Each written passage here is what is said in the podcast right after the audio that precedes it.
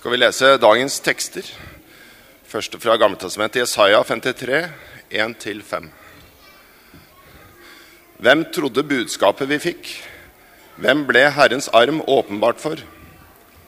Han skjøt opp som en spire for hans ansikt, som et rotskudd av tørr jord. Han hadde ingen herlig skikkelse vi kunne se på, ikke et utseende vi kunne glede oss over. Han var foraktet, forlatt av mennesker, en mann av smerte, kjent med sykdom, en de skjuler ansiktet for. Han var foraktet, vi regnet ham ikke for noe. Sannelig, våre sykdommer tok han, våre smerter bar han. Vi tenkte, han er rammet, slått av Gud og plaget. Men han ble såret for våre lovbrudd, knust for våre synder. Straffen lå på ham, vi fikk fred. Ved hans sår ble vi helbredet.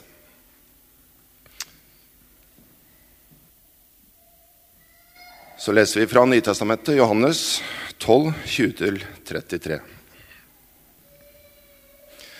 Det var noen grekere blant dem som var kommet for å tilbe under høytiden. De gikk til Philip, som var fra Betzaida i Galilea, og sa, 'Herre, vi vil gjerne se Jesus.' Philip gikk og fortalte det til Andreas, og sammen gikk de og sa det til Jesus. Jesus svarte, 'Timen er kommet da menneskesønnen skal bli herliggjort.' Sannelig, sannelig, jeg sier dere, hvis ikke hvetekornet faller i jorden og dør, blir det bare det ene kornet. Men hvis det dør, bærer det rik frukt. Den som elsker sitt liv, skal miste det. Men den som hater sitt liv i denne verden, skal berge det og få evig liv. Den som vil tjene meg, må følge meg, og der jeg er, skal også min tjener være. Den som tjener meg, skal min far gi ære. Nå er min sjel fylt av angst, men skal jeg så si, Far, frels meg fra denne timen? Nei, til denne timen skulle jeg komme. Far, la ditt navn bli herliggjort. Da lød en røst fra himmelen. Jeg har herliggjort det og skal herliggjøre det igjen. Mengden som sto omkring og hørte dette, sa at det hadde tordnet. Andre sa det var en engel som talte til ham. Da sa Jesus, denne røsten lød ikke for min skyld, men for deres. Nå felles dommen over denne verden. Nå skal denne verdens fyrste kastes ut. Og når jeg blir løftet opp fra jorden, skal jeg dra alle til meg. Dette sa han for å gi til kjenne hva slags død han skulle lide. Slik lyder Herres ord.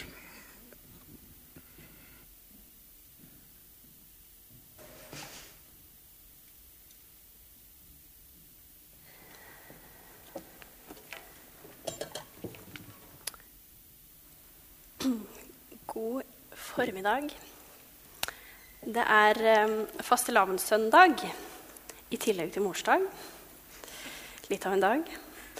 Eh, og fastelavnssøndag er jo en eh, søndag, en overgangssøndag på en måte mellom to perioder i, i kirkeåret. Overgangen mellom åpenbaringstiden som vi har vært i, og fastetiden som vi går inn i fra og med onsdag. Fastelavnssøndag er en del av forberedelsen til fastetiden. Og fastetiden er jo forberedelsestiden til påsken. Så dette er rett og slett en forberedelsestid til en forberedelsestid. Um, hvordan ballet det på seg sånn, kan man, kan man lure på. Uh, denne fastetiden som vi skal inn i, kalles den store fasten. Det er fasten før påsken. Og den uh, ble i løpet av de første århundrene uh, etter Kristus utvidet og større og større, og ble til slutt en sånn egen størrelse som fikk en forberedelsestid i tillegg. Den ble utvidet til å vare i 40 dager. Um, og det handler om at vi skal inn i en på en måte 40 dagers vandring gjennom ørkenen. Slik som Jesus gjorde før han begynte sin tjeneste. Han fastet i 40 dager i ørkenen. Slik som Moses gjorde på Sinai-fjellet før han fikk loven. Slik som Elia gjorde før han til slutt møtte Gud i den skjøre stillheten. Og skal man ut og vandre i ørkenen, så er det lurt å forberede seg. Hva skal jeg ha med meg? Hva er det lurt å ha med seg? Og hva er det ikke lurt å ha med seg? Det er kanskje lurt å legge fra seg noen byrder, noen ekstra, noe ekstra bagasje. Og det er kanskje lurt å ha med seg noe som kan eh, holde en gående.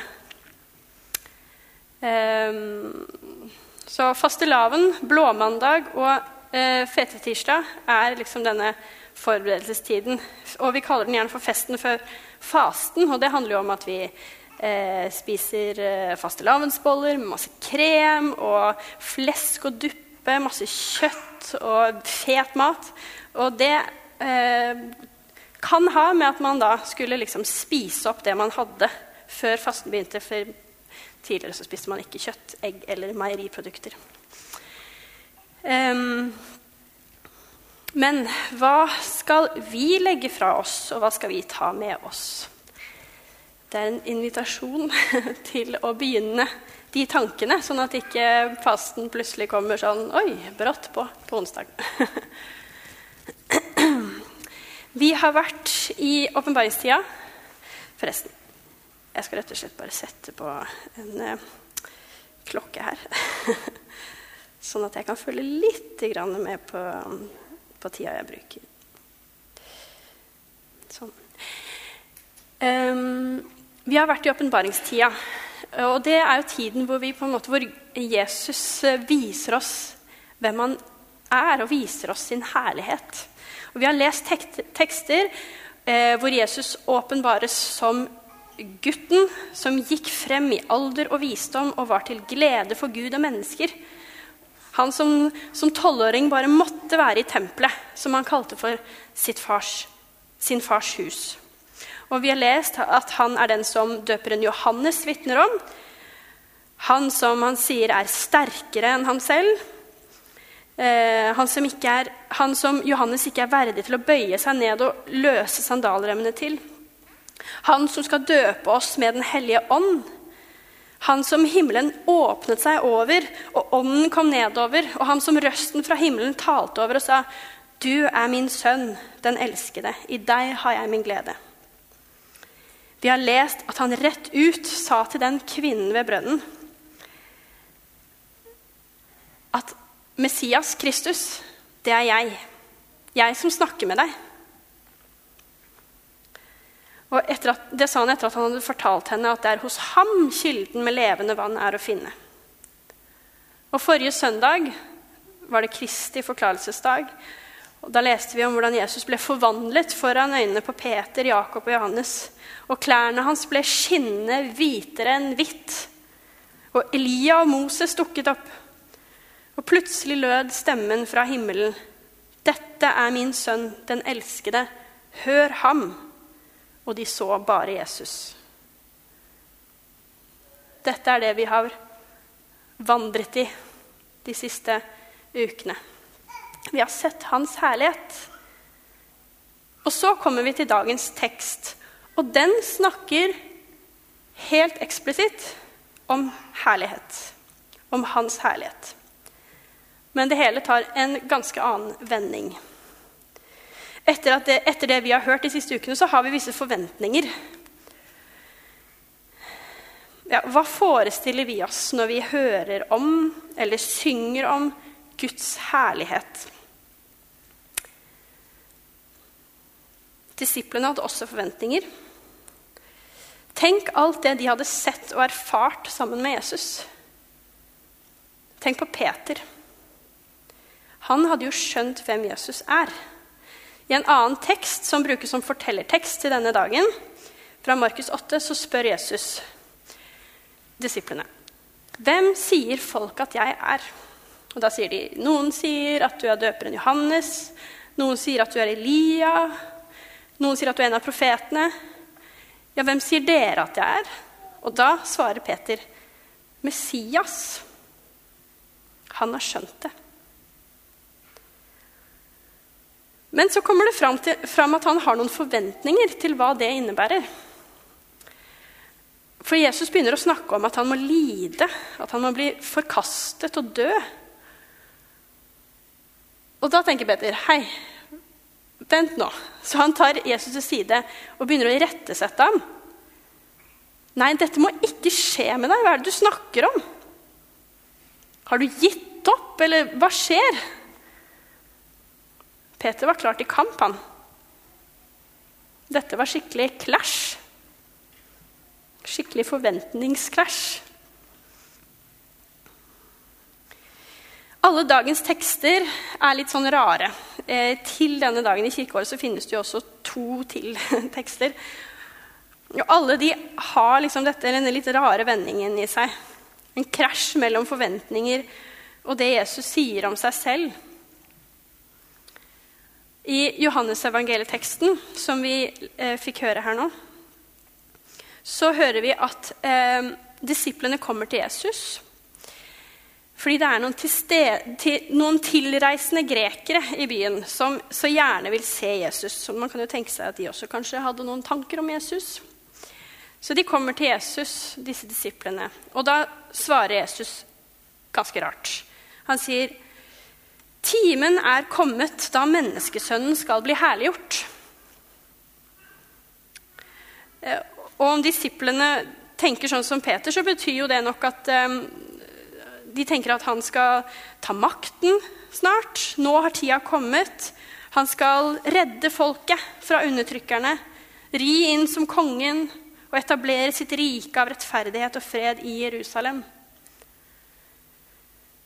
Men så går Jesus rett videre og forklarer hva han mener. Sannelig, sannelig, jeg sier dere, hvis ikke hvetekornet faller i jorden og dør, blir det bare det ene kornet. Men hvis det dør, bærer det rik frukt. Han begynner å snakke om at han skal dø. Og litt, litt videre, litt lenger ned, så sier han helt eh, direkte om det med herlighet. Han sier, 'Nå er min sjel fylt av angst.' Men skulle jeg si, 'Far, frels meg fra denne timen'? Nei, til denne timen skulle jeg komme. Far, la ditt navn bli herliggjort. Så høres det en røst fra himmelen som sier, 'Jeg har, eh, jeg har herliggjort Nei, kutta noe. Jeg har herliggjort det og skal herliggjøre det igjen. Og så snakker han om at han skal bli løftet opp fra jorden og dra alle til seg.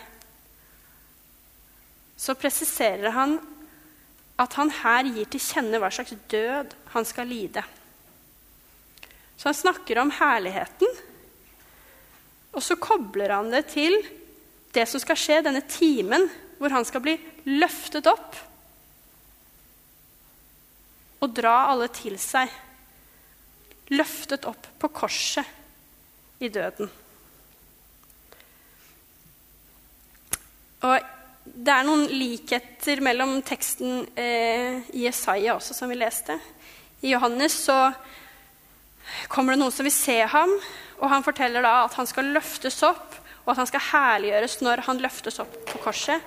I Jesaja så hører vi om en skikkelse som skyter opp som en spire, et rotskudd fra tørr jord. Så står det han hadde ingen herlig skikkelse vi kunne se på. Ikke et utseende vi kunne glede oss over.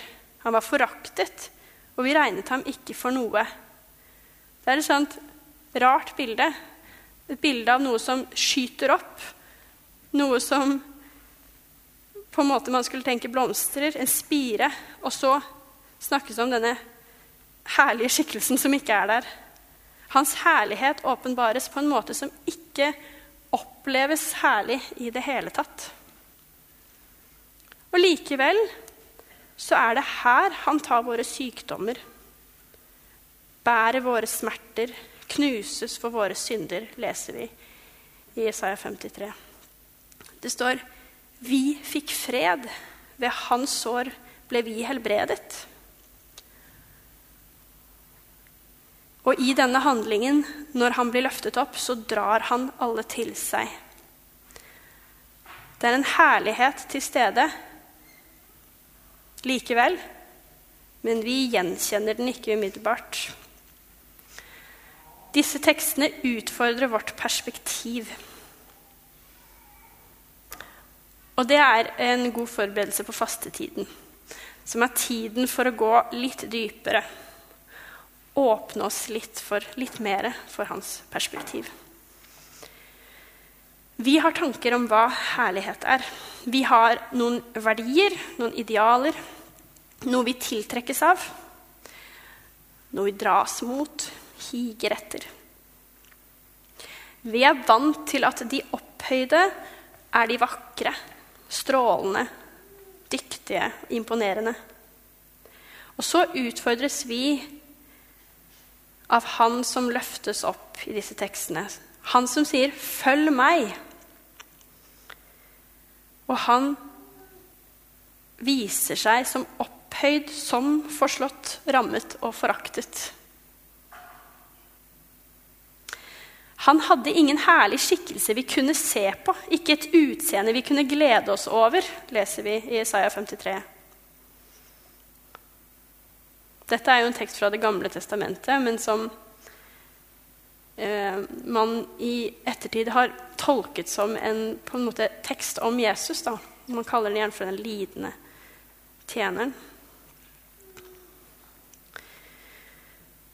Jeg syns det er litt interessant akkurat den formuleringen. Han hadde ingen herlig skikkelse vi kunne se på, ikke et utseende vi kunne glede oss over. Det er som at våre idealer utfordres litt. Vi ønsker noe som er litt mer attraktivt. Det utfordrer vårt ønske om å ta seg godt ut, kanskje. Jeg tror at i disse tekstene så ligger det um, en slags utfordring av vår litt sånn individualisme. I Johan, teksten fra Johannes evangeliet så leser vi at Jesus sier Sannelig, sannelig, jeg sier dere, hvis ikke hvetekornet faller i jorden, og dør, blir det bare det ene kornet. Hvetekornet er ikke ment å være seg selv nok. Da blir det bare det ene kornet. Det fremstilles som litt sånn trist når det kunne blitt en sånn grøde.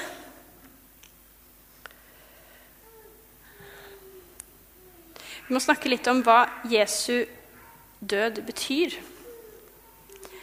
Jesu død handler om å gi liv til de mange. Han sier, 'Når jeg blir løftet opp fra jorden, skal jeg dra alle til meg.' Jesu lidelse handler om en villighet til å betale en pris for sin nestes beste.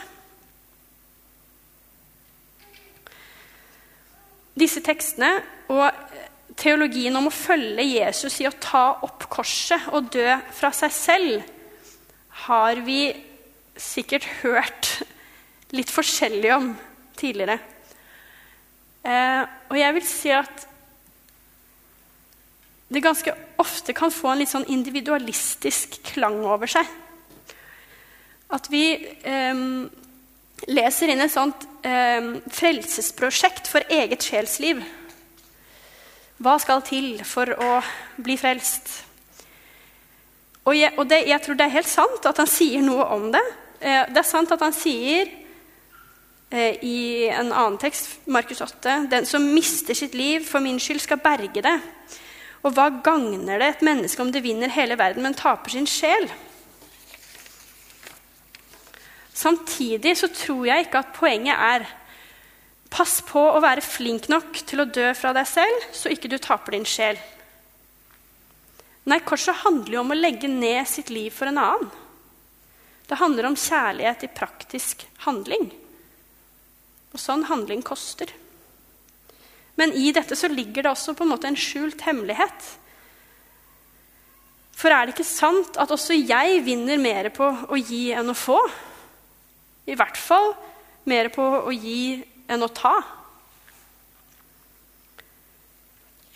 Vi vises paradoksalt nok veien til et liv, livgivende liv gjennom et liv som innebærer villigheten til å legge ned sitt liv.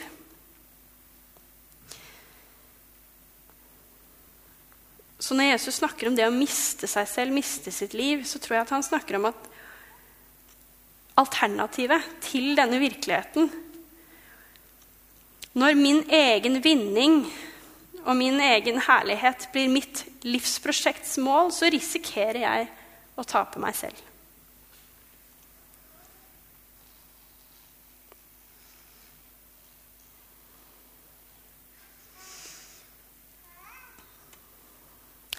Dette her er ikke en utførlig utleggelse av teologien rundt det å ta opp sitt kors og følge Jesus. Men det er noen refleksjoner eh, og noe som jeg tror at vi kanskje har litt lett for å miste synet av noen ganger.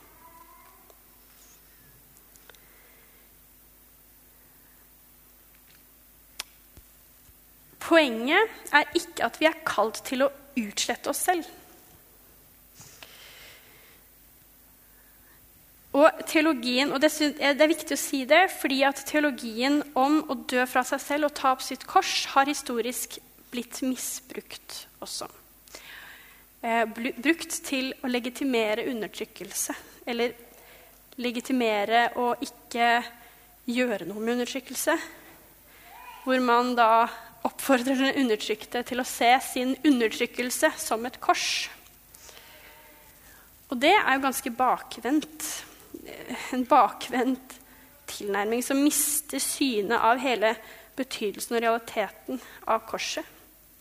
For det er jo Gud selv som er vårt eksempel her. Det er den mektige, kongen, som kommer ned og viser den mektige hvor mye hans slave, hvor mye hans undertrykte bror og søster er verdt. Viser kjærlighetens vei ovenfor sin bror og søster. Gjennom sitt eksempel, gjennom hvordan han er villig til å gå den veien for deg og meg.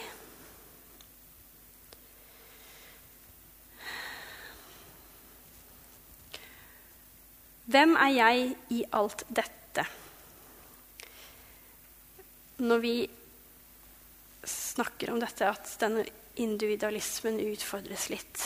Sånn. Hvem er jeg i møte med korset? Innenfor Gud er jeg både uendelig verdifull, sett, kjent og elsket. Og så minnes vi om en annen side når vi går inn i fastetiden. Askeonsdag får vi tegnet et kors, askekors i pannen, og høre ordene 'menneske', Husk at du er støv og skal vende tilbake til støv.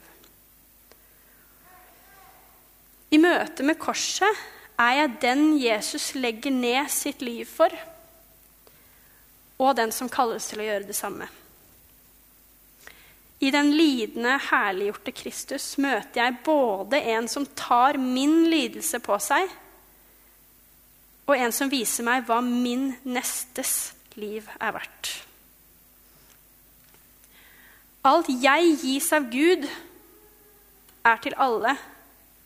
Og det Gud gir til alle, er til meg. Jeg formes av fellesskapet, av menigheten, kirken. Kirken formes av meg.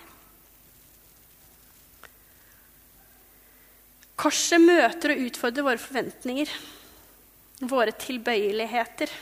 Korset er en opp-ned-logikk. Vi kan lese at det er dårskap, eller det fremstår som dårskap.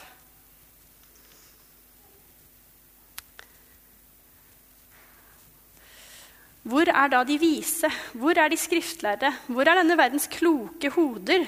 kan vi lese. Har ikke Gud vist at verdens visdom er dårskap? For jøder spør etter tegn, og grekere søker visdom, men vi forkynner en korsfestes Kristus han er en snublestein for jøder og dårskap for hedninger.